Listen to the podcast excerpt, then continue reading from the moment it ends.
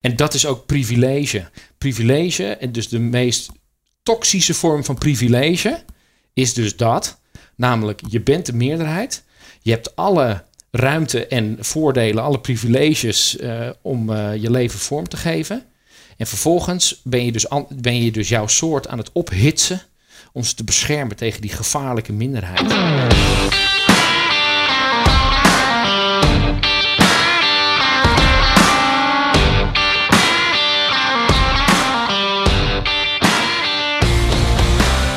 Binge-watch, studieschuld, Instagram, Tinder, ZZP, hypotheek. Van je lang zal ze leven geen hypotheek. Relatie, geen relatie, bindingsangst, verlatingsangst, keuzestress. Welkom in de wereld van OK Millennial. Als we onze voorouders mogen geloven, gaat het geweldig met ons. Zonder koophuis, zonder pensioen, maar in alle vrijheid. Daarover en meer praat ik met psycholoog Thijs Launsbach, filmmaker Emma Westerman en mediator Ai Kramer. Mijn naam is Malou Holshuizen. Ik ben schrijfster en dit is OK Millennial, de podcast.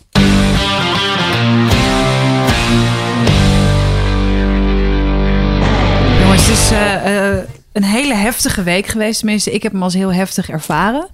Um, qua nieuws, qua uh, omgeving. Um, hoe gaat het met jullie? Emma. Uh, het Hoe gaat, gaat wel het goed. Ja. Ja. Ja, want we zijn, het is nu uh, bijna een week na de Dam-demonstratie. Ja, dat klopt. is de week waar we het over hebben. En um, ja, ik heb, ik heb, ik, denk jullie ook, en daar gaan we het straks over hebben, heel erg veel nagedacht en heel veel uh, Ja. uh, gedachten door mijn hoofd gegaan. Maar uh, met mijzelf gaat het gezond en goed. Goed zo. Heb jij ergens gedemonstreerd? Nee, um, ook omdat ik dus zo'n sufferd ben die gewoon totaal niet doorhad wat er wanneer afspeelde. Mhm. Omdat ik social media een beetje links liet liggen. Ja.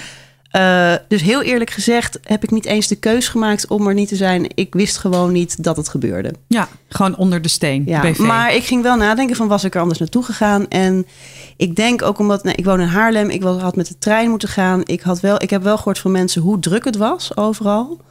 Um, dus ik denk dan niet dat ik naar Amsterdam was gegaan. Mm -hmm. Is er in Haarlem gedemonstreerd eigenlijk, jongens? Niet nee. Nee. nee. nee. Ike, hoe heb jij deze week uh, ervaren? Wat gebeurt er met jou als je naar het nieuws kijkt? Ja, ik moet toegeven, ik heb deze week vooral ervaren als een gewone werkweek. Mhm. Mm -hmm. Ik had het gewoon druk, dus Ja. dat heeft me vooral bezig gehouden. Maar ik ben tussendoor er wel mee bezig geweest. Dingen gekeken online, dingen geresearched online, nagedacht. Uh, ik en Moon hebben het er uitgebreid over gehad, ook Mhm. nog. Dus, en ik ben blij dat we er een aflevering over opnemen. Ja. ja. Maar, en ik ben niet naar Amsterdam geweest. Nee. Dat was gewoon niet opportun. Ja. Ik- Vroeger, vroeger denk ik was ik wel geweest. Als ik tien jaar jonger was geweest, dan had ik wel gestaan. Jij Ja. hebt heel veel gedemonstreerd Vroeger, vroeger, ik heb ja. aardig wat eh, demonstraties gedaan in mijn eh, jeugd of na adolescentie. ja, Thijs, hoe heb jij deze, deze tijden naar het nieuws gekeken? Wat doet dat met je? Ik vind het uh, een, een heel, interessante, uh, heel interessante week geweest. Een heel interessant thema ook. En om te zien hoe dat zich nu manifesteert. Aan de andere kant is het ook weer niet. Ik heb niet, ook weer niet het gevoel dat het zo wereldschokkend is. Omdat het ook weer niet een heel nieuw thema is. Het is een thema die elk jaar een aantal keer terugkomt. Het is natuurlijk nu wel. Het heeft een, een hele duidelijke aanleiding uh, met die. Uh, met het overlijden van die man in, in de VS. George Floyd. George Floyd. Um, uh, en dat, dat is een soort katalysator geweest voor een, voor een enorm protest nu en een enorme public outcry. Heel terecht, denk ik. Um, maar uh, ik vond het ook, ja, het is niet dat ik er enorm verbaasd door werd. Of dat ik dacht van, hé, hey, wat, wat is dit in hemelsnaam? Dit, dit, dit was er altijd al aan aan het komen. En bovendien, er waren inderdaad ook nog hele andere dingen in het nieuws. Uh, en ik denk dat het vooral ook in sommige cirkels heel veel gedeeld werd en heel veel, uh, dat er heel veel gedaan mee werd. Ik zit net als Emma niet op, uh, niet op Facebook en ik zit niet op Twitter. Dus dan word je Mhm. ook minder geconfronteerd met, met zeg maar de echokamer om zoiets heen, Mhm. om zo'n event heen. Um, maar ik, ja, ik ben ook wel, ik ben wel geschrokken en ik ben ook wel hoopvol over uh, dat we in ieder geval nu uh, onze ogen weer wat geopend krijgen. Uh, Mhm. En dat, we, dat dit weer iets is dat echt wel op tafel ligt, want dat is wel terecht. Ja, Jij was erbij, toch, Malou? ja ik heb wel, ben wel naar de Dam gegaan. Um, ook echt bewust voor gekozen. En uh, Ehm, ik was daar en ik stond eh, best wel achteraan. Ik was er ook vroeg. Eh, toen was het nog helemaal niet zo druk. Mhm. Ehm, wat er wordt gezegd over opeens was het heel erg druk en stonden er echt duizenden mensen in plaats van de geplande honderden mensen. Dat, dat heb ik ook echt zo ervaren. Mhm. Eh, ik knipperde drie keer met mijn ogen en, en ik, ik stond helemaal in, in, gewoon in de menigte. Maar hoe ging dat? Kan je dat beschrijven? Want je stond dus eerst met een paar mensen en opeens, blam, stond die dam vol of zo. Of hoe ging dat? nou precies zoals je zegt. Opeens wam stond die dam vol vanaf alle straten, maar niet alleen de dam, ook de Kalverstraat, ook Damrak, ook Rokin. Alles stond opeens vol. Mhm. Eh, dus mensen zijn echt eh, om ja, stipt om vijf uur naar buiten gekomen en daarheen gekomen. Ehm, eh, hoe ik het heb ervaren is dat iedereen heel goed afstand hield. Ik stond ook best wel eh, aan de kant bij het paleis. Eh, toen het echt druk werd, ben ik weggegaan omdat ik dacht ik moet ruimte maken voor de mensen die nu nog aankomen lopen. Dus laten we elkaar dan ook de ruimte geven. Ehm, maar even over hoe ik het heb ervaren. Ik was echt heel erg aangedaan van wat er wat ik daar voelde. Mhm. Dat had ik vo- vooraf niet eh, gedacht. Want ik voelde, ik voelde het al. Ik vind het echt al heel kut. En ik vind ook dat ik mezelf ertoe moet dwingen om wel naar de filmpjes te kijken. En wel eh, eh, juist op social media te kijken. Om te kijken wat er nou wordt gezegd. Wat er nou nu aan de hand is. En ehm, Want wat greep jou zo aan dan daar? nou ja, ik sowieso de, mm, het, het verdriet wat je voelt. Een collectief verdriet Mhm. en een collectief machteloosheidsgevoel gecombineerd met heel veel strijdkracht. Dus het waren opeens heel veel gevoelens door elkaar en, en naast elkaar. En, ehm, eh, en dat, dat zag je eigenlijk ook om je heen. Ehm, en ook als je kijkt naar de, alle verschillende mensen die er stonden, ehm daar werd ik er ook wel weer heel blij van eh, om dat te zien. En ehm, nou ja, ook toen ik, toen ik wegging, was ik er ook echt nog wel een tijdje heel erg van eh, onder de indruk en van van slag. Ik had niet door dat het zo ontzettend druk was. Dat zag ik eigenlijk later pas op televisie. Dat het ook zo. Want waar ik stond, was het toch wel. eh, ja, was het toch wel goed te doen. Iedereen hield ook echt wel rekening met elkaar. Dat vond ik.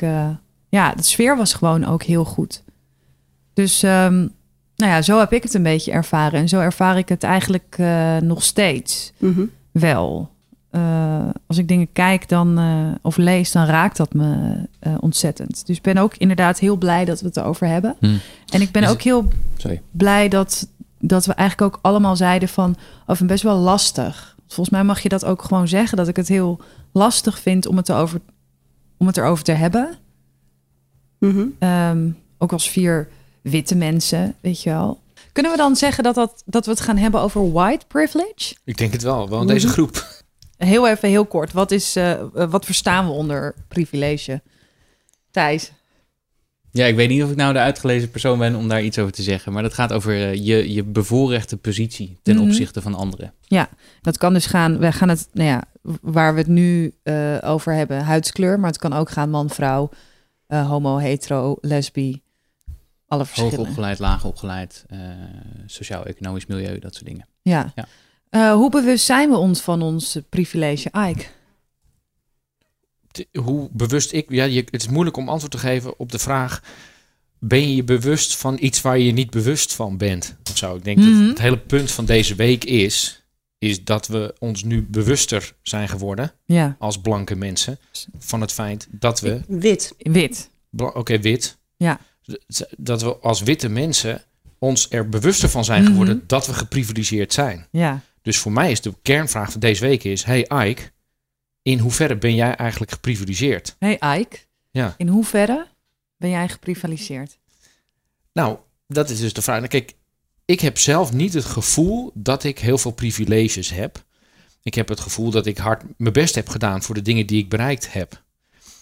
Ehm, nog los van wat ik heb meegemaakt in mijn leven en wat, hoe ik ben opgegroeid, et cetera. Alleenstaande werkende moeder, et cetera. Maar wat volgens mij deze week mij heel erg heeft geleerd, is dat ehm, je hoeft niet een racist te zijn om geprivilegeerd te zijn. Dus ook al ben je niet racistisch, heb je voor je gevoel zo min mogelijk vooroordelen over mensen met een andere huidskleur. Dat kan betekenen dat je alsnog super geprivilegeerd bent, omdat je zelf een bepaalde huidskleur hebt. Mhm. En dat is wel een heel belangrijk inzicht voor mij geweest deze week. Dus, eh, en dat, dat uitzicht op verschillende manieren. Dus het feit dat politie mij niet zo snel zal aanhouden, Ja. dat is maar één voorbeeld van de manier waarop ik geprivilegeerd ben. Er zijn nog veel meer en daar ben ik mee bezig geweest de afgelopen weken. Bijna een soort lijstje maken van alle aspecten. Ja, en is een privilege, ik weet niet of dit een juiste vraag is hoor, maar eh, eh, is een privilege iets ehm, wat er is, of is het ook iets wat je bij je draagt? Begrijp je een beetje wat ik bedoel? Ja, nou het is dus, ik ging dus maar researchen, want en luisteren en filmpjes kijken, wat jij ook zei, want dat is volgens Mhm. mij de bedoeling van deze week, is dat wij even stoppen met praten en luisteren Ja. naar mensen die meer marginale positie hebben in de samenleving. Nou, ik kwam uit bij James Baldwin van eh, If the Beale Street Could Talk, de auteur. En die zegt: Het is zo'n onderdeel van het denken van witte mensen. Namelijk, witte mensen, als je de vergelijking waar ik zelf op, op uitkwam, was het volgende. Als jij iemand op straat in een rolstoel ziet zitten, dan kan je bijvoorbeeld denken: wat vervelend voor die persoon. Maar je kan ook bij jezelf denken: hey, ik heb gewoon mijn benen. Ik kan gewoon lopen. Dat is best wel fijn. Hè, Dat Ja. is een normale gedachte om te hebben als je iemand in een rolstoel ziet. James Baldwin zegt is dat witte mensen hebben dat ook ten opzichte van zwarte mensen. Dus ze- als wit iemand bepaal je je maatschappelijke status aan de hand van de positie van een, eh, iemand met een andere huidskleur. Oftewel, nou, het gaat misschien nog niet zo heel goed met me, maar ik ben tenminste geen allochtoon. En dat is dus een hele diepe, Baldwin zegt, dat is zelfs waar hoe racisme dus onderdeel van je identiteit kan zijn, zonder dat je dat met haat te maken heeft of zo. Dus het is zo diep en daarom is het zo moeilijk om aan te pakken. Want als je het echt zou wegnemen, dan verliezen wij als witte mensen een stuk van onze identiteit, zegt hij. Mhm. En dat heeft mij echt gruwelijk aan het denken gezet. Waarom? Wat, hoe Omdat ik mezelf herkende daarin. Dat ik dacht, nou, eh, ik, eh, ik, ik heb mijn benen nog. Hè, wij ik zit tenminste niet in een rolstoel. Ik heb tenminste niet te maken met politie die mij voor het minste geringste eh, eh, tegenhoudt op straat. En dat is heel confronterend voor mij. Mhm, Wat doet dat dan met je? Waar, in, welk, hoe ver is het confronterend? Dat ik namelijk wel geprivilegeerd ben. Ja, maar Terwijl ik je, dacht er, dat ik het niet was. word je er daar verdrietig van? Word je er boos van? Wat, als het zegt, het, het doet mij heel veel. Nou, ik, heb, ik, snap, ik snap waarom mensen protesteren. Mhm. Waarom ze echt heel boos zijn. Ja, Kijk, ik was al tegen Zwarte Piet. ja, Maar nu ben ik helemaal tegen Zwarte Piet. Ja. Ik was al 100% tegen. Maar nu zou ik het echt... Als nu iemand nog Zwarte Piet doet... dan spreek ik hem erop aan. ja. Op straat, ter plekke. Ja. Echt, zo ver ben ik nu. Mhm. Ik zou het niet, ik zou het niet meer aankunnen. eh dat daarbij staan. Ik denk ook meteen van... Nou, ik hoop dat met mijn zoon dit afgelopen is. Het is wel een taak, denk ik, voor als je ook een kind hebt nu. Om je kind echt te leren... op een of andere manier dat soort vooroordelen... dat soort geïnstitutionaliseerd racisme achter zich te laten. Mhm. Wat mij heel erg heeft geraakt is, eh, eh, je hebt een tennisspeler, Amerikaanse tennisspeler, geloof ik, van een jaar of 16 is zij. En eh, zij was ook op de demonstratie. En toen zei zij, ik demonstreer nu voor hetzelfde als ehm, mijn oma deed, meer dan 50 jaar geleden. En er is nog helemaal niks veranderd. Denk je dat het, hoe denken jullie daarover, over verandering? Want ja, het speelt nu heel erg. Eh, eh, we zijn allemaal heel erg alert. En zo, zoals jij zegt, Ike, ik, ik ben echt naar mezelf gaan kijken. En er, is toch wel een zekere vorm van bewustwording gekomen die ik eerst niet eh, of minder had. Hoe, hoe zien jullie het? Hoe, ja, dat, deel, deel de gedachten daarover. Emma. Nou ja, ik merk dat ik er hoopvol van word, eigenlijk. Omdat ik, eh, ja, het, het, het klopt inderdaad. Zij, zij, zij staat in hetzelfde soort protest als haar oma. Met dezelfde boodschap, met dezelfde aanklacht, met dezelfde woede, met hetzelfde verdriet. En tegelijkertijd is er nu zo'n rijkwijde gekomen. Het is niet alleen in Amerika, het is over de hele wereld is het, is het eh, gekomen. En we zijn niet alleen boos over wat er in Amerika is gebeurd, we zijn ook boos over wat er hier gebeurt. En er wordt over gesproken. En, en ik, ik hoop heel erg dat dat de komende weken steeds meer gaat gebeuren. En ook op de manier waarop uh, Ike nu praat. Wat ik knap vind, dat je deze uh, gedachten ook niet alleen hebt, maar ook deelt. Um, ik, ik, ik las een, een interview uh, in de correspondent met uh, Patrice Cullers, als ik het goed uitspreek. Een van de oprichters van Black Lives Matter. En zij zegt: um, Word bewust van je eigen positie in het geheel. Dat is eigenlijk haar boodschap aan ons uh, white privileged people. Dus um, erken dat privilege en zet dat dan in. En dat, dat heeft mij aan het denken gezet van oké, ik kan je, je kan je heel machteloos gaan voelen. Zeker als je zoveel mensen ziet met zoveel verdriet. Waarvan je denkt, oké, ik heb heel lang heb ik me er niet echt, ben ik me er af en toe bewust van geweest. En dan hebt dat gevoel weer weg bij mij. Mm-hmm. Wat kan je doen? Een heel klein beetje om het te, te verbeteren misschien. Ja, hoe heet deze... Uh... Uh, Patrice, P-A-T-R-I-S-S-E. Mm-hmm. En haar achternaam C-U-L-L-O-R-S. Wordt nu heel veel gezegd. Hè? Er is ook een hashtag met educate yourself. Thijs, waar, heb jij uh, de afgelopen tijd aan uh, vergrepen qua educatie? um, nou, ik heb, ik heb vooral wel veel nagedacht over mijn eigen positie hierin. En ik denk dat ik uh, inderdaad ongelooflijk geprivilegeerd ben op heel veel verschillende niveaus. Als je het hebt over, hè, dat is de term die ze wel eens gebruiken, is de genetic lottery. Je, je wordt gewoon ergens geboren mm -hmm. binnen een milieu. En daar heb je eigenlijk niet zo heel veel over te zeggen. Uh, maar als je wordt geboren hier in Nederland, wat een enorm welvarend en egalitair land is, uh, met een uh, witte kleur binnen een bepaald sociaal-economisch milieu, bij hoogopgeleide ouders die boeken in huis hebben en jou van alles kunnen leren, en de aandacht hebben om, om dat ook te doen, dan heb je ongelooflijk veel wind mee. Dan, ben je, dan heb je een ongelooflijk goede uitgangspositie. Uh, en daar heb je eigenlijk zelf helemaal niks over te zeggen. Dat is gewoon omdat je bent geboren op een bepaalde plaats. Uh, dus daar ben ik me wel bewust van geworden. En een van de dingen die ik, um, die ik me zat af te vragen, van hoe werkt dat privilege nou eigenlijk? Want ik heb niet per se het idee gehad dat ik erg veel ben voorgetrokken op basis van mijn huidskleur.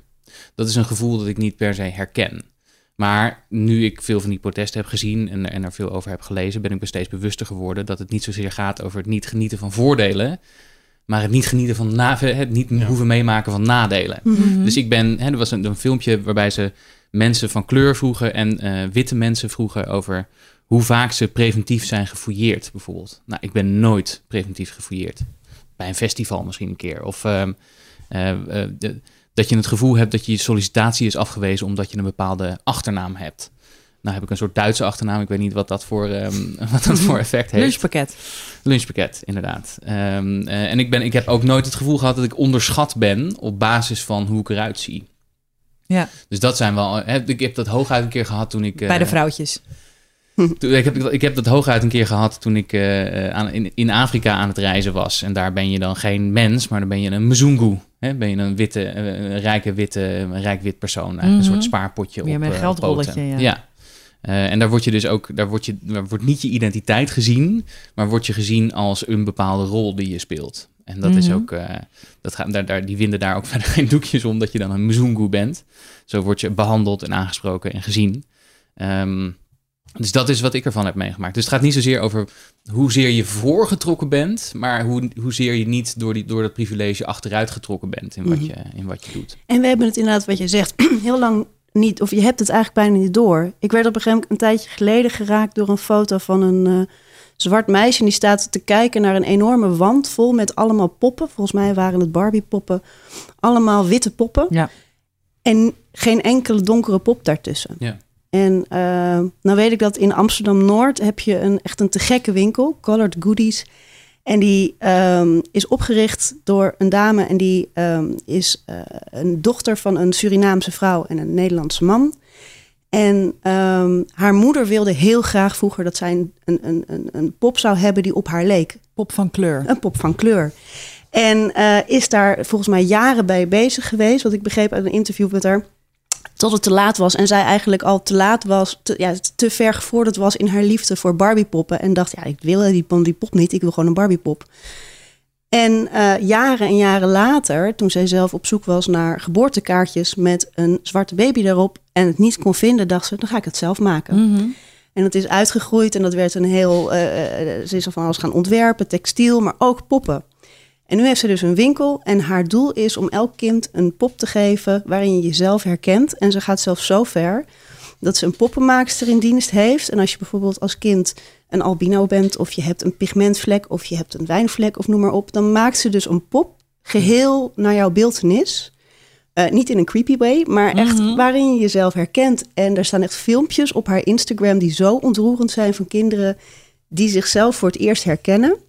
En daar moest ik deze week ook aan, eh, aan denken. Van de, eigenlijk mijn privilege is vooral ook dat ik mijn hele leven lang omringd ben en opgegroeid ben met eh, beelden waarin ik mezelf kon herkennen. Mhm. Mensen op televisie, mensen aan talkshows. Precies, films, ja. alles. Ja. Ja. Ik ben eh, ehm, een, nou, een paar jaar geleden, een jaar of vijf geleden. Eh, ik werkte bij eh, BNN-Vara op, eh, op een redactie met radio. En toen raakte ik heel goed bevriend met twee collega's. columnist en presentatrice Clarice Gagar. Ehm, veel in het nieuws geweest, ook veel op televisie geweest. Deze week en vorige week. En waarschijnlijk als dit wordt uitgezonden ook nog steeds. En Hasna El Maroudi, eh, ook journalist van onder, onder andere NRC. En ehm, ik moet wel zeggen dat toen ik, toen ik eh, hechter, toen wij hechter werden, dat ik me echt wel een, ehm, een tijdje heb geschaamd, mezelf heb geschaamd over hoe weinig ik bewust was van, ehm, van het racisme wat er is in Nederland. Eh, wat je nu ook heel vaak hoort. eh, inderdaad, we staan hier, we demonstreren tegen racisme in Amerika. Maar dat is natuurlijk helemaal niet zo. Iedereen die daar op de dam stond, eh, stond daar ook voor het, het racisme bij jou in de straat of bij jou op je werk. Weet je wel, echt in jouw stad, in Nederland. Ik denk Iets dat het dus tijd is. Ja, ik denk dat het dus tijd is dat we dat dus nu gaan doen. En dat het normaal is om het te doen. En dat het niet meteen betekent you're a bad person. Ja, Mhm. Want dat is, ik denk, racisme. Alleen al het woord racisme is je bent een racist of je bent het niet. Mhm. Dus het is, het is bijna hetzelfde als tegen iemand zeggen: je bent een crimineel. Hè, het heeft heel veel lading. Terwijl wat we nu denk ik ontdekken is, is dat je heel veel lagen van racisme hebt. Expliciet racisme, maar ook institutioneel en onbewust racisme. En dat we daar dus nu, de, Mhm. de mensen die nu protesteren, spreken ons daarop aan. Dus die zeggen: hey, zelfs, oké, je moet sowieso niet mensen discrimineren. Maar er is zelfs nog een laag daaronder. Mhm. Als jij denkt dat je niet racistisch bent, dan nog zullen er waarschijnlijk in jouw leven, in jouw denken, elementen van racisme zitten. En dat is privilege. ja. Ja, en het interessante Mhm. is natuurlijk wel, en dat is heel moeilijk om te beseffen. En volgens mij hebben we het daar ook wel eens eerder over gehad in afleveringen. Dat je dus. Wat, wat een hele moeilijke notie is, is dat je dus mee kunt doen. Ja, ik zou niet per se zeggen racistisch kunt zijn, maar mee kunt doen aan discriminatie zonder dat je het zelf zo bedoelt. Ja, precies. Dus hè, er is natuurlijk een groot verschil tussen, eh, tussen mensen die expliciet racistisch zijn en heel bewust mensen, hè, groepen mensen tegenover elkaar zetten. Maar ook als je dat niet doet en je, je vindt eh, Zwarte Piet gewoon een leuke volkstraditie die belangrijk voor je is, dan werk je mee aan een systeem waarin mensen achtergesteld worden ten opzichte van andere Mhm. eh, groepen. Ehm, en dat, dat doe je dus zonder dat het je intentie daarmee is. En mensen bewust maken van het feit dat ze dus zonder dat het de intentie is ook mee kunnen doen aan discriminatie, dat is onwijs moeilijk. Ja. Mhm. Dat is waarom die, die hele zwarte pieten discussie zo ontzettend taai is. En Baldwin die zegt dus dat zelfs als je tegen Zwarte Piet bent, kun je nog, is de kans heel groot nog steeds dat je racistische elementen in je identiteit hebt. Ja. Omdat het dus zo diep zit, zo diep en zo normaal is, dat je dus iemand anders nodig hebt die je daar bewust van maakt. Je kunt Mhm. dat niet. Ja. ja, ik weet niet wat de goede vergelijking is. Hè? Maar als, er, als iemand een plakkertje op je rug plakt, dan kun je het niet zien. Totdat iemand tegen je zegt: hey, er zit een kick, kick me eh, plakkertje Mhm. op je rug. Ik moet wel zeggen, ik vond het heel lastig wat jij zei aan het begin over hoe jij dat ervaart. Dat ik nog, dat ik nog niet, ook omdat het zo'n kwetsbaar onderwerp is, en, en ehm, dat ik dan ook niet meteen durf te reageren daarop. Nee, maar ik word heel voorzichtig. Ja. Ja. Ook met het, de woor- woordkeuze Nou ja, het, het is natuurlijk heel lastig ja. dat we hier zitten als vier witte mensen die het eens even lekker over privileges Ja, Ja, gaan ik wil, hebben. ik wil Ja. eens even oppikken met eh, eh, een van de borden die ik heb gezien eh, tijdens de demonstratie, die me heel erg aangreep, was White silence is eh, violence. Ja. Ehm, eh, daar keek ik naar en ik voelde me daar echt direct aangesproken. Ja. Ik heb ook echt gedacht, oké, wanneer heb ik nou echt een keer gezegd... jongens, dat grapje kan niet. Doe eens normaal, terwijl iedereen aan het lachen is. Of jongens, ehm, hey, eh, wij maken nu een radio-uitzending... maar eh, kijk eens eventjes naar hoe dit plaatje eruit zit... vanaf een andere kant. Mhm. Wanneer heb ik dat nou gedaan? En, en ik, ja, ik dacht altijd dat, dat ik toch wel vrij uitgesproken was over het moet, alles moet inclusief. Mhm. Maar dat als het puntje bij paaltje komt, dat je dus je bek open moet trekken. Dat ik dat, ik dat dus ook veel te weinig heb gedaan. En ik wil eventjes een klein brugje maken met naar, eh, eh, naar jou, Ike. Ehm, eh, wat ik dus heel heftig vond, was dat er bij heel veel talkshows over gesproken werd. Maar dan het woord racisme eh, en het onderwerp racisme dan heel erg vermeden werd. Dus inderdaad, het ging over van alles. Over de drukte en over hoezo en over Amerika en over wat er gebeurt en over Trump en zo. Maar niet Over waar... Hoe, erg het is dat Femke Halsema niet een demonstratie heeft verboden... waarbij mensen toevallig niet even anderhalve Inderdaad, meter en, afstand hielden. en Ja. daar ging het over. En, en, en op één en Bo en, en, en, al, en witte mensen en bla bla bla bla bla bla bla. En toen op een gegeven moment zat ook, ehm, toen was het eh, eh, die dinsdag dat iedereen zijn schermpje op zwart eh, deed. Blackout Tuesday. Mhm. Dat het de bedoeling was om, ehm, je, om mensen van kleur aan het woord te laten. Mhm. En dat wij gewoon eventjes Onze kop ons houden. bek houden en luisteren. En die avond zat Klaas, Klaas Dijkhoff eh, bij Op 1. En die zat dus, eh, ja, die had dus ook zijn Instagram schermpje eh, op zwart staan. En die werd toen aangesproken door Sophie Hilbrand. Ehm, die, vond dat heel erg hypocriet. En, en, en toen dacht ik, oh, eh, ja, ik vind dat dus ergens, ik, ik, vond, ik vind het zo moeilijk. Dat, ik vind het zo moeilijk. Denk ik, Mhm. ja, ik wil ook dat, dat scherm op zwart. Ik wil niet hypocriet zijn. Ik vind van mezelf dat ik me te weinig heb uitgesproken in het verleden. Ja, ik Nee. zit daarmee. Ik Mhm. zit daar echt mee. Nu ik, ook. Ik heb daar ook heel veel moeite mee. Want ik, ik wist ook niet. Kijk, ik denk dat het heel goed is dat we het hierover hebben. En één ding dat we wel kunnen doen, is gewoon echt in de gaten houden hoe geprivilegeerd je eigenlijk bent. Mhm. Alleen ik weet verder niet wat mijn rol zou zijn in dit debat. Of wat mijn rol zou zijn in, in deze discussie. En natuurlijk is het. Ik heb, ik heb die, die spanborden ook gezien. Hè? Ja. Eh, eh, white silence is white violence. Aan de andere kant denk ik, misschien is dit nu juist even het moment om even mijn bek te houden. En me er niet mee te bemoeien. En ruim baan te geven aan de mensen die daar wel over willen praten. Dus ik, ik met- vind het heel moeilijk wat mijn. Het is een super e- egoïstische overweging natuurlijk. Maar ik vind het heel moeilijk om te bepalen wat mijn persoonlijke Maar, positie is in dit Nou, debat. ik, die, ik kan je wel helpen daarmee. nee hoor. Dat is eh, vreemd om te zeggen. Maar dat kan ik tegen jou zeggen, gelukkig. De, kijk, die silence is violence. Ja, dus dat gaat over uitspreken in, ehm, in het gezicht van echt onrecht. Ja? Ja. Dan is je rol gewoon duidelijk. Als jij met onrecht wordt geconfronteerd, dan heb je echt wel vanuit jezelf de behoefte om daar iets over te zeggen. Maar dat is volgens mij dat is maar een onderdeel van wat er nu gaande is. De basis is, is educate yourself. ja. Dus jouw rol, je hebt maar één rol. En dat is gewoon nadenken Hmm. over hoe jij zelf in het leven staat. En wat jouw vooroordelen ten opzichte van andere mensen kunnen zijn. Volgens mij is dat eigenlijk het belangrijkste wat we nu moeten doen. Wij hoeven niet nu als, eh, als redders van die andere, van de minderheid. Want dat that's the whole problem. Ja. Dat wij dus denken.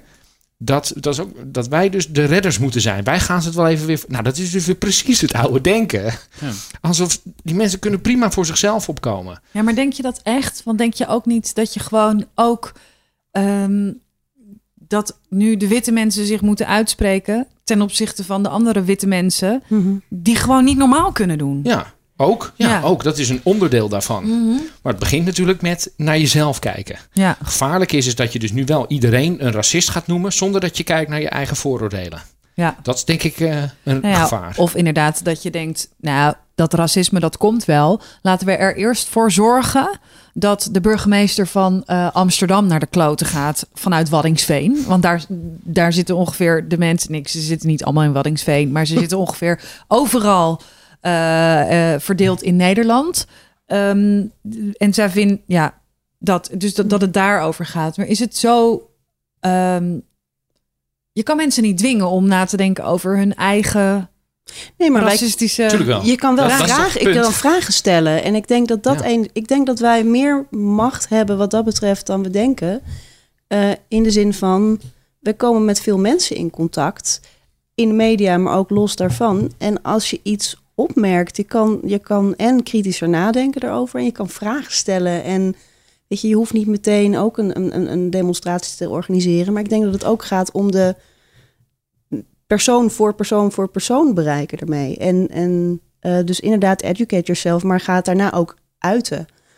Want als Ja, jij. of past het juist om een toontje lager te ja, zingen? dat, ik, eigenlijk, ik zou in eerste instantie zeggen dat. Ja. Ja, En ik als dus het- niet. Nee, ja. ik denk Nou ja, juist Zwarte dat we Piet, onszelf hebben, moeten. We hebben Zwarte Piet zo meteen natuurlijk als het punt. Kijk, zelfs Rutte heeft nu, zelfs Rutte, Mhm. hè, meneer eh, Zwarte Piet is zwart. Ja, Zelfs hij voelde zich nu gedwongen om te zeggen: Oké, wacht eens even. Ik realiseer me nu opeens dat dat niet meer kan. Dus ik denk nu, dit, ik denk dat dit jaar echt een heel mooi jaar is om momentum te pakken om eh, Zwarte Piet nog een stuk eh, terug te dringen. ja, zeker. zeker. Echt, nee, absoluut, absoluut. Ehm, en dat vind ik ook weer zo kwalijk. Aquasi heeft zich uitgesproken eh, vanuit een emotie, zei hij. Als ik, als ik nu nog een keer st- straks iemand met een, een zwart gesminkt gezicht zie, ik kan Oh, het ja. niet meer aan. Ik, ik, ik, ik, ik, eh, Ja, wat- ik trap hem. ik- hij ik- zei: ik, trap hem. ik En trap dan hem. gaat dus iedereen en Cherry en zo, die zijn dan helemaal verbouwereerd dat hij dat durft te zeggen, want hij roept op tot geweld.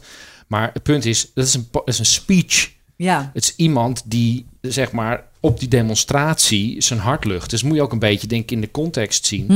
En dan wil ik nog wel even reageren op iets wat je zei over Klaas Dijkhoff. ja, Want ik heb dus in het kader van dat research heb ik een speech van Klaas Dijkhoff gekeken. Mhm. ja. En die speech werd geanalyseerd door de snijtafel. En welke speech, wanneer was Het dat? was een speech van eh Dijkhoff op een VVD-congres. Dus dan praat hij tegen andere VVD'ers. Ja. En dan hoor je echt, zeg maar, hoe, wat de mentaliteit van zo'n politieke partij is. En ik was echt shocked. En ik luisterde echt op een totaal... Ik dacht altijd Klaas Dijkhoff, oh die gast die kan wel goed lullen. Weet Ja. je, ik vond hem altijd wel lekker los, losse stijl. Sprak me wel aan. Nou, ik had dus die speech gekeken en de snijtafel, die deden dat briljant. Veel beter dan ik dat ooit zou kunnen. Maar wat, de, wat deed die Dijkhoff in die speech? Hij had het over de uitkeringstrekkers de hele tijd. En hij zou wel de belastingbetaler zou die beschermen tegen de uitkeringstrekkers. En hij had allemaal ma- dingen bedacht. Hoe die uitkeringstrekkers toch nog wel eens even, even wat streng, eh, harder Mhm. aangepakt konden worden. En ik zat te luisteren. Ik denk, dit is gewoon zwaar populisme. Mhm. En het is, ja, het is misschien niet direct als racisme te bestempelen, maar het gaat heel erg over een minderheid en een meerderheid. En eigenlijk het enige wat Dijkhoff daar dus aan het preken was, is dat hij zei: hey, kijk, er is een minderheid van mensen met een eh, moeilijke sociaal-economische positie. Maar die mensen zijn gevaarlijk en ik ga jullie beschermen tegen die gevaarlijke minderheid. En ik heb allemaal dingen bedacht hoe ik ze nog strenger kan pakken. Hè? Want het is jullie belastinggeld wat ze allemaal pakken. Nou, ik zat te luisteren denk, jezus. Ze kijken op een totaal andere manier naar Dijkhoff Mhm. nu. Ik denk, wat de hel. En dit is gewoon Ja, de meerderheid die de minderheid aan het bashen is. Waarom? Terwijl de delving van inkomsten voor de Nederlandse staat voor onterechte uitkering een factor duizend kleiner is dan wat je zou kunnen innen aan grote bedrijven die vrij baan krijgen. Precies. Ja, dat is populisme. Dat is- Precies. ja. En dat is ook privilege. Privilege, en dus de meest toxische vorm van privilege, is dus dat. Namelijk, je bent de meerderheid. Je hebt alle ruimte en voordelen, alle privileges eh, om eh, je leven vorm te geven. En vervolgens ben je, dus ben je dus jouw soort aan het ophitsen om ze te beschermen tegen die gevaarlijke minderheid. Die, oh, ze zou, ja, nee, die moet je klein, die moet je streng eh, aanpakken. Die moet je hard aanpakken. Nou, ik ben echt helemaal afgeknapt. Dus volgens mij, ik heb hem, eh, oh, ik, zou, ik volgde hem zelfs op Insta. Nou, ik denk dat het tijd wordt dat ik hem ontvolg. Jeutje, wat een taal. Klaas, als je luistert, Ja, nou, ik echt. ben je kwijt. Bijna kwijt. Hij heeft het nog niet Klootzak. Ik heb het gedaan. nog niet gedaan. Misschien als hij met een heel... Nou, af en toe zegt hij ook wel eens wat goeds. eh, Daarom. Maar ik zat te kijken. Ik was echt shocked. Ik was echt shocked. En ik meende zelfs wel bij sommigen... Dan zie je in het publiek zie je ze allemaal zitten. Rutte, Stef Blok, of of hoe heet hij? Ja, hè? Zie je ze allemaal zitten. En ik meende zelfs bij sommige van die types... ook wel een soort schaamte al op hun gezicht te zien. Dat ze eigenlijk denken... Shit zeg, dit is gewoon populisme. We zijn gewoon Ja, het is een- keihard. maar het is wat je noemt een dog whistle. Hè? Ja, het is- ja, het is, ja. Je praat in termen die verdekt zijn, maar waarvan iedereen eigenlijk weet wat je eigenlijk bedoelt. Ja. Het is een- wat, maar dat is eh, natuurlijk... Ja. Jerry had het natuurlijk over homeopathische verdunning en zo. Nou, dan weten we ook wel allemaal wat, Ja. we, wat we bedoelen. Maar dat Eh, is nu, nu ook de vorm van hoe er politiek wordt bedreven. Je zoekt de grens op. Daar ga je juridisch eh, ehm, lekker net, net op zitten. Je, je, je pakt het randje. Iedereen weet wat je bedoelt. Maar als je het uitkampt, dan kan het volgens de wet net. Ja. En kan je er niet op worden aangesproken of eh, worden bestraft. Ehm, Maar, is toch, hè, maar vind, vind, zijn jullie het met me eens hoe fucking heftig dat is dat hij dat zegt? Want je hebt dus de, groep, de minderheid, dus de groep waarvan je eigenlijk moet zeggen, die hebben een moeilijkere positie. Dus die moeten we eigenlijk meer privileges geven. Die moeten misschien zelfs wel meer privileges hebben dan ik. Omdat zij moeten nog een heel stuk inhalen, noem ik het Ja. maar even, eh, in termen van maatschappelijke status. Maar wat hij dus zegt is precies het tegenovergestelde. Hij zegt, je moet ze dus zo streng aanpakken. Oftewel, je moet ze zo klein mogelijk houden. Nou ja, zeg. Ik ben zelf eh, eh, over die privileges en over het, het, het verdelen van de privileges waar jij het over hebt, Ike. ehm, ben ik benieuwd hoe jullie tegenover het quotum staan. Een quotum, een vrouwenquotum, een, een quotum in inclusiviteit.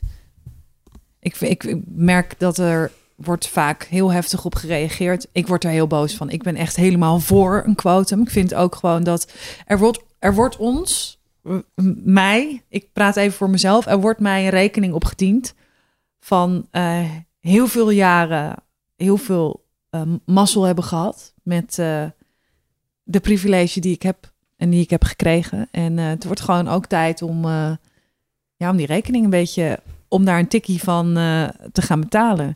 Ja. Dus het quotum voor de volle 100% ja.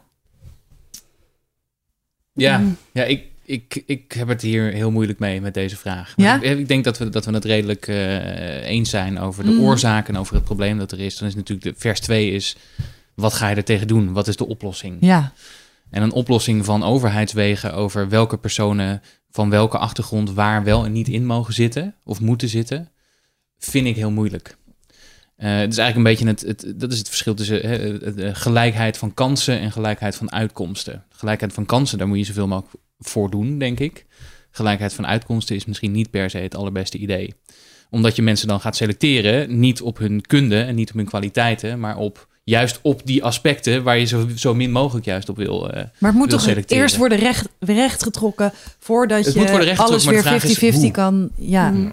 ja. En, en anoniem solliciteren? Ja, absoluut. Solliciteren is sowieso, Sowieso. fucking Ik passé. weet, ik weet sowieso waar, hoe jij. Hoezo is dat passé? Omdat je het idee dat je een goede keuze kunt maken over welke mensen in je bedrijf passen op basis van een motivatiebrief en een gesprekje totale bullshit is, psychologisch. Precies, maar dat is een ander, eh, is een ander verhaal. ander verhaal. Volgende aflevering. Anoniem, anoniem solliciteren Dat is een eerste stap. is ja. een manier om die vooroordelen eh, weg te nemen in een sollicitatieprocedure. Ja. Het is gewoon super praktisch. En dat kan je dus met een hele simpele wet heb je daarvoor nodig. Ja, er zijn ook wel Ja. voordelen van. En steeds meer bedrijven gaan dat doen. Die hebben een al.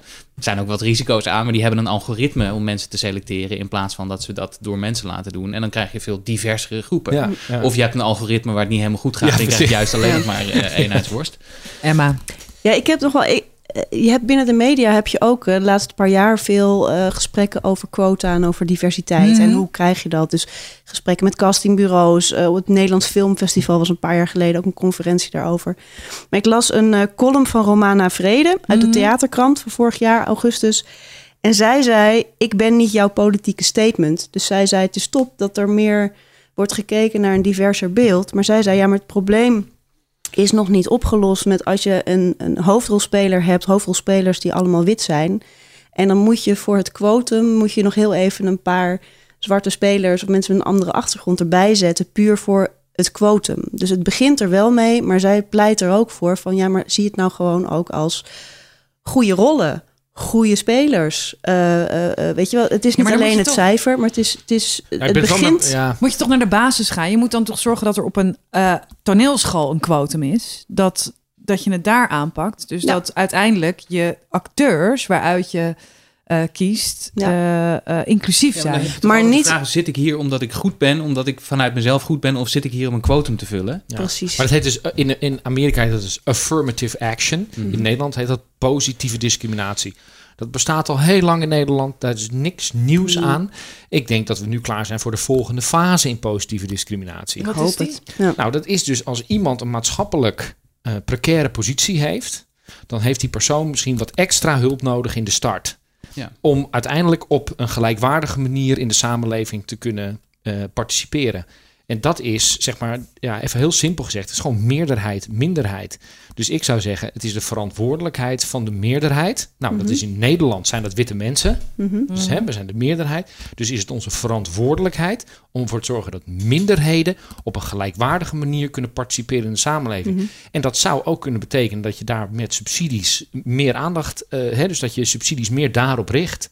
Er, hè, eh, dus Ja, maar niet En- alleen om die cijfers te halen, maar ook echt gewoon Ja. omdat het, ja, weet je, Ja, tuurlijk, inhoudelijk precies, gezien. Dus ja. ik denk dat, dat, dat ik me daarbij erger bij quota. Als het losse quota zijn, heeft het geen zin. Maar als je er ook echt iets mee wil bereiken, inhoudelijk, en je geeft er mensen echt een kans mee. En niet alleen maar omdat het goed staat op de, op de eindejaarscijfers, dan. En we, en we zouden wel- dit zelf kunnen doen. Hè? Hier hebben we zelf ook een hele grote rol in. Ik denk dat als jij wil vliegen ergens naartoe en je gaat je selecteren wat je vliegtuigmaatschappij is waarmee je gaat, en je gaat kijken naar de raad van bestuur, dan kan je ook gewoon zeggen, ja, fuck jullie. Jullie hebben alleen maar eh, vijftigers en ma- witte, mannelijke vijftigers en zestigers in je raad van bestuur zitten. Ik ga gewoon niet meer met jullie vliegen. Naming en shaming. Mhm. Dat is toch veel krachtiger dan dat je zegt van overheidswegen gaan we bepalen wie waarin moet zitten. Het, gewoon, het kan niet meer straks. Ja. Het kan gewoon echt niet meer. Alleen, hè, als je, ik, ik heb de cijfers niet paraat, Maar maar, het gaat zo langzaam. Ik denk dat als er Het een quota Het gaat ook heel langzaam. Ja, dat dan, het wordt gewoon heel snel rechtgetrokken totdat je op een punt zit waar je dus op een gelijkwaardige, eh, realistische eh, samen. ja, maar de vraag is natuurlijk, met een Weerspiegeling van de je samenwerking. daar gelijkwaardig van? Ja, ik denk het wel. Ja, ja, ik denk het wel.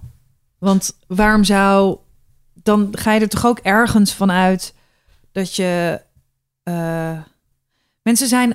Weet je wat het is als je je, je blik openstelt en en ja, ik weet niet zo goed hoe ik dit moet uitleggen. Ik vind het heel lastig, want Nou, ik ben, ik ben het, het helemaal want, eens want dat je het, meer het neigt een beetje. Mhm. Wat, het gevoel wat ik bij jou krijg met, met wat je zegt, is wat je heel vaak hoort. Ja, we willen het wel, maar ze zijn er niet. Dat is helemaal niet wat ik zeg. Nee, maar dat gevoel, dat zeg ik ook niet. Ik, zeg dat gevoel krijg en je moet mensen bevorderen en je moet meer voorbeelden hebben. Mhm. Alleen mis- misschien moet je niet vanuit overhegen- eh, overheidswegen gaan bepalen wie waarin moet zitten. Ja, ik denk het wel. Maar dus even een voorbeeld. Ja, gewoon even iets breder dan alleen huidskleur. Bijvoorbeeld tegenwoordig is huiswerkbegeleiding is de normaalste zaak van de wereld. Nou, wie kunnen huiswerkbegeleiding eh, betalen? The rich, Hè, dat zijn mensen, hè, dat is middel, eh, upper middle class. Ja. Wie kunnen dat niet betalen? Hè? Nou, dat zijn vaak bijvoorbeeld eh, minder, minderheden Mhm. die dat geld niet hebben. Of die zelfs, want daar, is, daar kan je bijvoorbeeld gewoon subsidie voor aanvragen. Hè? Als je echt op minimumniveau leeft, kan je gewoon van Ja. je gemeente subsidie krijgen om je kind naar huiswerkbegeleiding te sturen. Maar daar wordt heel weinig gebruik van gemaakt. Want die mensen weten dat niet eens. Hè? Of er is een drempel om zoiets aan te vragen. Maar ehm, alleen al zo'n onder zo'n eh, instrument als huiswerkbegeleiding. Dat betekent dus als jij in de toekomst huiswerkbegeleiding kan betalen, dat je veel makkelijker door je middelbare schooltijd heen gaat. En als je dat niet hebt, dan heb je dus ja, bijna een achterstand op mensen die dat wel kunnen betalen. Dus er zitten gewoon zitten in het systeem zoveel fundamentele drempels dat ik wel denk, en daar zou ik zeggen, daar is dus de overheid voor, is om dat recht te trekken. Dus ik zou zeggen, de overheid is er niet voor het belang van de meerderheid. De meerderheid die redt zich over het algemeen wel redelijk goed. De overheid is er juist om ervoor te zorgen dat de minderheid niet het slachtoffer wordt of wordt achtergesteld door de meerderheid. Ja. Dus ja, dat is toch best, dat is wel, eh, dat pleit toch wel voor meer Maar dan heb je het ook Voor al. meer politiek. Want dat is precies hoe ik er dan weer over, hoe ik hier naar luister en dan weer doordenk. We gaan hier niet op door hoor. Eh, want we moeten ook een beetje gaan afsluiten. Maar dan- als ik dan jou hoor dat zeggen van, van op de middelbare school, dan denk ik, ja, kom eerst maar eens op die middelbare school. Waar je Mhm. op terecht wil Ja. komen. Dan kom ik toch wel weer bij een quotum of anonieme inschrijvingen. Weet je wel, ik heb dit advies gekregen. Mijn naam eh, kan of El Maroudi zijn of De Vries. Ehm, maar laat dat in godsnaam anoniem zijn, zodat iedereen wel op die school. En dan denk ik ook alweer, ja, als je dat advies al krijgt. Want Ja. ja, er is, het, het is ook algemeen bekend dat mensen die El Maroudi heten, Mhm. minder snel wordt gezegd: ga jij het maar lekker op het VWO proberen. En als je de Vries heet, wel. Dus ik vind het gewoon zo kut. En ik kan er niet van slapen. En ik vind het kut. Ik vind het ook heel kut om dit nu zo dat we dat we het gesprek zo meteen moeten afronden. Want we hebben het niet opgelost. het is één grote hoop stront in mijn hoofd. Ehm, dus neem iemand anders alsjeblieft even het woord. Iemand anders moet even af- afsluiten. Thijs. Ja, ik weet het gewoon. Thijs. Nou ja, ik zat een commencement speech te kijken van Tim Minchin. Wat een van mijn favoriete eh cabaretiers is. Misschien omdat hij een baardje heeft en van mijn leeftijd is. En, de, en dezelfde huidskleur heeft. Maar ik denk ook wel omdat hij best wel wat, wat dingen kan. En die, die zei... Ik heb het gevoel dat ik door hard werken ben gekomen waar ik ben gekomen. Alleen ik heb niet het deel van mezelf gemaakt dat hard gaat werken. Dus ook daarin, in je persoonlijkheid, eh, heb je bepaalde privileges of niet.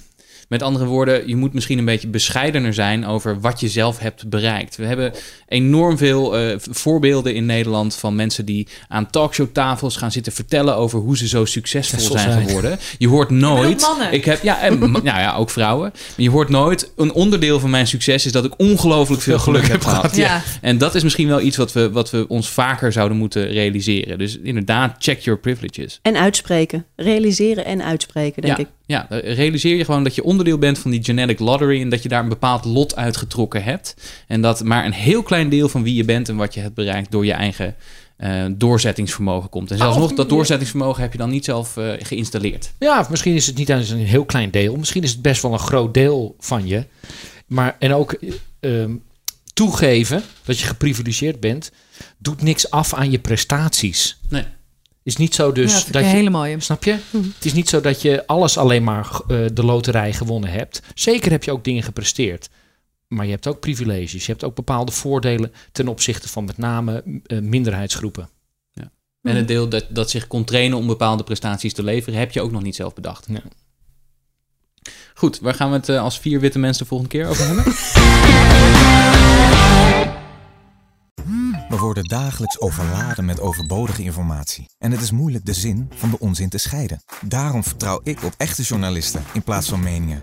Een krantenmens heeft het gemakkelijk. Word ook een krantenmens en lees je favoriete krant nu tot al zes weken gratis. Ga snel naar krant.nl. Bezorging stopt automatisch en op deze actie zijn actievoorwaarden van toepassing.